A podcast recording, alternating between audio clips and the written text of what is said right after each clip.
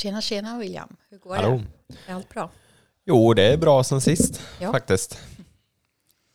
Vad fint då. Idag är det avsnitt tre och då tänkte vi gå in på vad för behandling eller vård vi har fått kring vår, vår psykiska ohälsa som vi ändå har haft. Mm. Hur såg det ut för dig när du växte upp här eller i dina familjehem och så vidare? Alltså det har ju egentligen inte varit eh, Eh, någon behandling med en BUP eh, som jag har haft eh, som stöd då.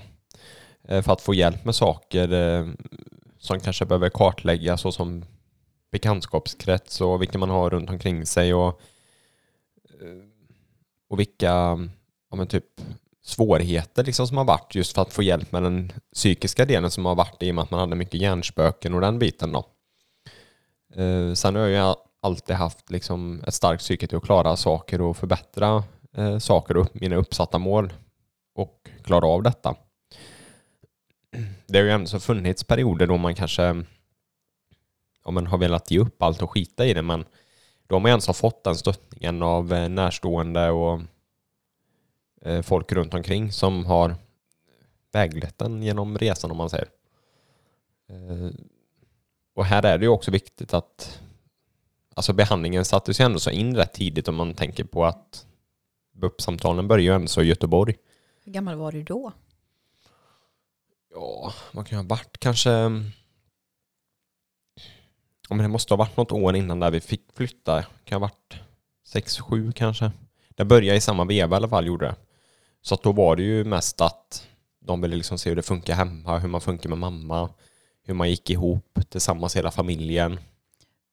Minns du hur det var att prata med någon annan? Jag tänker man är så liten att någon ställer frågor Mm. om Alltså det var ju väldigt svårt tyckte jag på något sätt. Jag vet socialtjänsten var med på något möte sådär ibland. Eh, Just att få deras eh, del utifrån den perspektiven och så att de kunde utreda också då. Men det var ju också svårt att få tilliten när det var så många personer för man var ju ändå under den processen till att skapa en familjerelation när man är så Precis. liten. Eh, Som sen då fick bry, eller som då bröts allt eftersom liksom men ja nej det Alltså det var ju lite kämpigt just för att berätta kanske så men det är ju lite, man kommer ju inte ihåg allt liksom Nej, så. det är klart. Men sen har det ju också varit att Alltså jag tänker att det är viktigt att man sätter in eh, behandlingen tidigt som jag också fick då som jag nämnde. Eh, just för att man ska kunna eh, ja, men liksom gå vidare och få ett förtroende Eh, för individerna som är runt omkring en. Och det har jag ju verkligen fått under de åren som jag har bott eh, i familjen då. Och just att åtgärden sattes ju in och detta resulterade ju i att man fick ett liv liksom som man kunde, eh, vad ska man säga, leva. Alltså hoppet fanns. Annars så tror inte jag att man hade levt idag om man inte hade fått den hjälpen man har fått. Både när det gäller BUP och socialtjänsten, även om man haft sina eh, tankar kring den biten också då. Men, eh, och just att hjälpen har också funnits eh, som då har hjälpt mamma i och med att hon ska kunna klara av att leva liksom och sköta sitt. Eh, Så det är ju det är också någonting som har varit med så. Har du fått mycket stöd ifrån familjehemmet? Alltså mamman och pappan i familjen? Har du kunnat prata Alltså man- eller har de... Ja, Men om man tittar i Skövde först, där var det ju ändå så, där tyckte jag ju ändå så att Eh, jag fick den hjälpen. Även om de var helt nya och inte hade haft några eh, familjehemsplaceringar sedan innan då. Men eh, det var ju också lite svårt, alltså där var ju ändå så de barnen i samma ålder som mig. Eh, ett och två år yngre. Så att det är klart, det, alltså, det är viktigt också att man hinner med sina egna barn. Och det blir ju då en problematik kanske om ett tredje barn som kommer in som har svårigheter sedan innan. Så kunna, Hade de haft barn förut placerade så? de hade ju inga eh, barn sedan innan, inga placeringar eller någonting. Så de var ju helt nya, så de fick ju utbildningar genom eh, familjehemsstiftelsen då, som vi hade. Eh, som hjälpte till då. Men sen i Mariestad var det lite mer erfarenhet från familjehemmet. Jo men alltså de har ju haft, eh, de har ju hållit på i många år med både avlastningsbarn och familjehemsplaceringar då. Och korttidsbarn men jag har väl varit den placeringen som varit längst skulle jag tro. Eh, Så de visste ju liksom det här med hur man börjar gå tillväga. just att man lär känna familjen, även om det bara det tog en evighet. Liksom. Eh, och sen att man går vidare liksom, till skolmiljön, kompisar, eh, ja, livet runt omkring. Liksom. Det är ju en process alltihop. Men, och det ser jag som fördel att de har varit lite äldre också, just när de tar emot ett barn. För det blir ju också att man man har mer tid kanske, man har mer utrymme, det är inte så mycket kanske som händer runt omkring och man kan eh, fokusera på ett helt annat sätt. Och då har de ju ändå haft eh, fyra egna barn som de har eh, haft som biologiska barn. Då. Var de i eran ålder eller din ålder? Eller var de... Den yngsta var ju 20 när jag kom. Och hur, hur, gammal var du när du kom till? Jag skulle ju fylla 13. 13. Ja. Så att då skulle han ju nästan precis flytta ut. Och då var jag själv liksom eh, med Birgitta Ståker mm. som jag har bott hos ja. den längsta perioden. Och det är ju en, det är ju en fördel tycker jag liksom att de har varit eh, barn av en så deras biologiska barn har ens varit så pass måste man säga, alltså, de har ju varit väldigt öppna för att hjälpa om det skulle vara så att man behöver hjälp eller att man funderar på någonting och att man har den biten.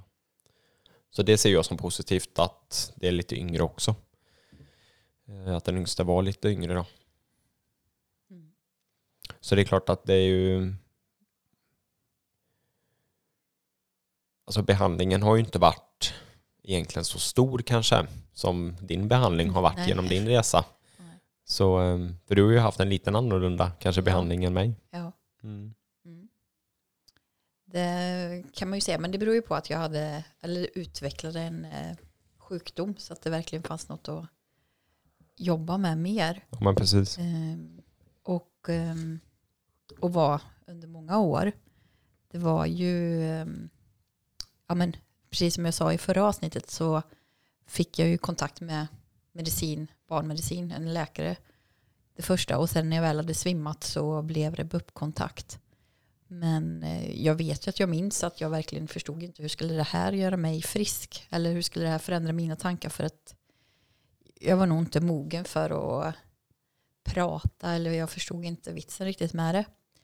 Men eh, jag fick ju, alltså den BUP-kontakten gick ju väldigt fort. Jag gissar att det bara var någon vecka senare som jag kom in till och så ser det ju mm. inte ut riktigt idag. För den som skulle behöva prata, där har du ju lång väntetid och så. Så det kan man ju se som något positivt ändå.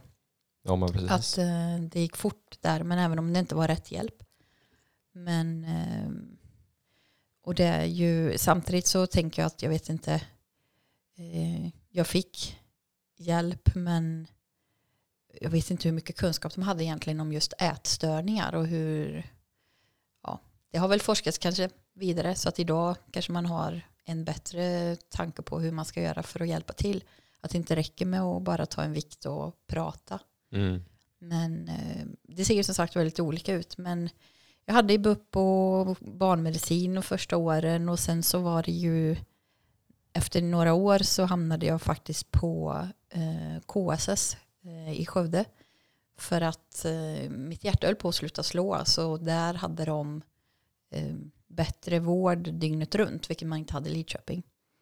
Så eh, där fick jag ju lite hjälp då för att inte dö helt enkelt. Ehm, och jag hamnade även på barn och ungdomspsykiatrin där som fanns då. Eh, som var en eh, avdelning som var inredd som ett vanligt hem. Ehm, jag skulle jämföra det med ett vanligt behandlingshem egentligen. Ehm, med ett gemensamt kök och ett gemensamt vardagsrum. Där du hade en uppstyrd dag där man började med samling vid tvn och alla hade olika tider. Man gick i skolan och du, så hittade vi på saker tillsammans. Det var några stycken rum. Och det skiftade lite för det var akutmottagning också.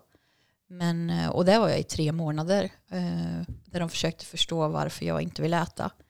Och eh, jag tror de hade viss erfarenhet av ätstörningar men de lyckades inte hjälpa mig. Men de försökte. Mm. Och de skrev ut mig trots att jag inte hade börjat äta. Men de hade återigen det här fokuserandet på vikten och jag fick inte gå under en viss vikt och då blir det mm. mitt fokus under några år eh, då jag faktiskt började äta men under super super kontroll kalorimässigt för att bara hålla nivån så att jag inte hamnar på sjukhus. Vilket gjorde då sen att jag klarade ju av då studenten och allt det här för att jag ändå fick i mig någonting men det var ändå på gränsen hela tiden. Um, och sen då så när jag, jag hade ju psykologkontakt hela tiden på BUP fram till jag blev 18, då hör man ju till vuxenpsykiatrin. Mm. Och då fick jag någon ny där, men jag var ju inte så intresserad av att prata eller göra någonting åt för att jag tyckte ju ändå att mitt liv rullade på rätt bra. Uh, och jag fick hjälp på medicinmottagningen för att ha en läkare som kollade mig rent fysiskt under några år. Men det var ju också där att hon hade ju inte någon kunskap överhuvudtaget kring ätstörningar. Utan här så vände hon sig till Helenamottagningen i Skövde. Uh, som precis hade öppnat. Eh, och där något som jag var med om var att allting tar ju alltid så lång tid. För det, var, alltså det finns ju inget, det är så här att om jag ber om någonting eller undrar över någonting att jag fick ett svar samma dag utan då skulle hon försöka få tag på den här specialisten. Men det kunde ju ta månader innan de lyckades möta och prata. Så, tid, alltså, så mycket onödig tid kan jag känna att min behandling tog för att man inte kunde någonting i stan där jag bodde. Eh, och sen så var det ju som sagt att jag tjatade mig till att få komma till den här specialistkliniken i Mora. Uh, och det hade jag ändå nämnt första gången vet jag att jag sett i mina dagböcker då, som jag skrev väldigt mycket mm. uh, när jag var typ 18 år. Och först när jag var 21 så intresserade man sig och gjorde en utredning för att skicka mig dit. Så det var där jag var då. Uh, och som jag berättade sist så var det där jag också vågade prata mer om minnen som kom fram.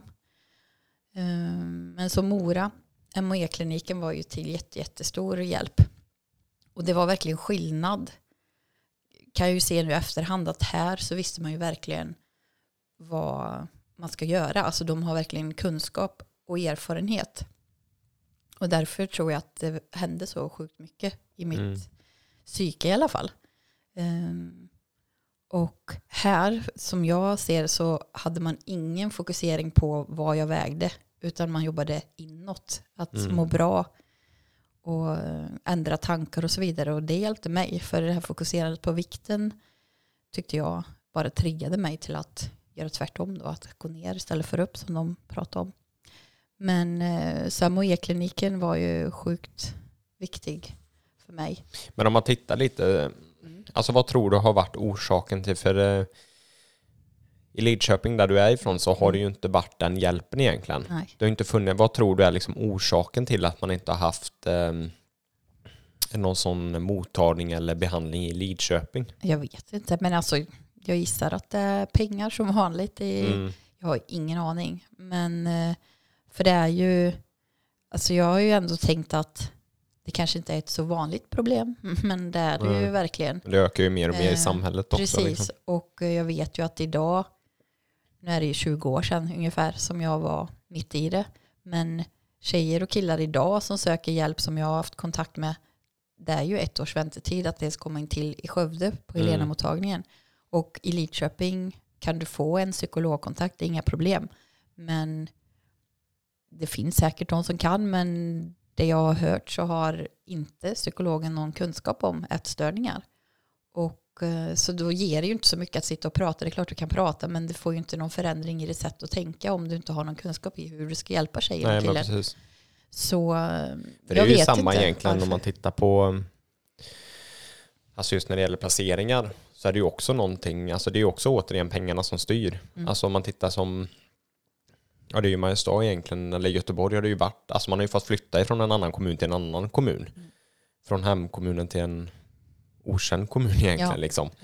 Och eh, det tror jag är en väldigt bra alltså lösning. Även om det kostar så får det kosta liksom. Mm. För ehm, just för att komma ifrån problematiken. För lever du i samma kommun så kan det lätt bli att du kan ju leva i antingen ditt missbruk eller din problematik som ligger i grunden liksom. Även om du bor i samma kommun och så vet du att mamma eller pappa kanske bor en 500 meter bort eller en kilometer bort liksom. Det, du kan alltid få tag i dem. Du har lätt att komma in nära dem liksom, även fast det kanske finns överenskommelser. Mm. Så jag tror det är viktigt också att man tänker på ehm, Alltså just om man tittar som i ditt fall, här hade det varit bra om det hade varit i Lidköping, en ja, hjälp. Ja. Men i mitt fall så var det ju bra att det fick brytas och komma till en helt annan kommun, så det är ja, väldigt individuellt. Ja.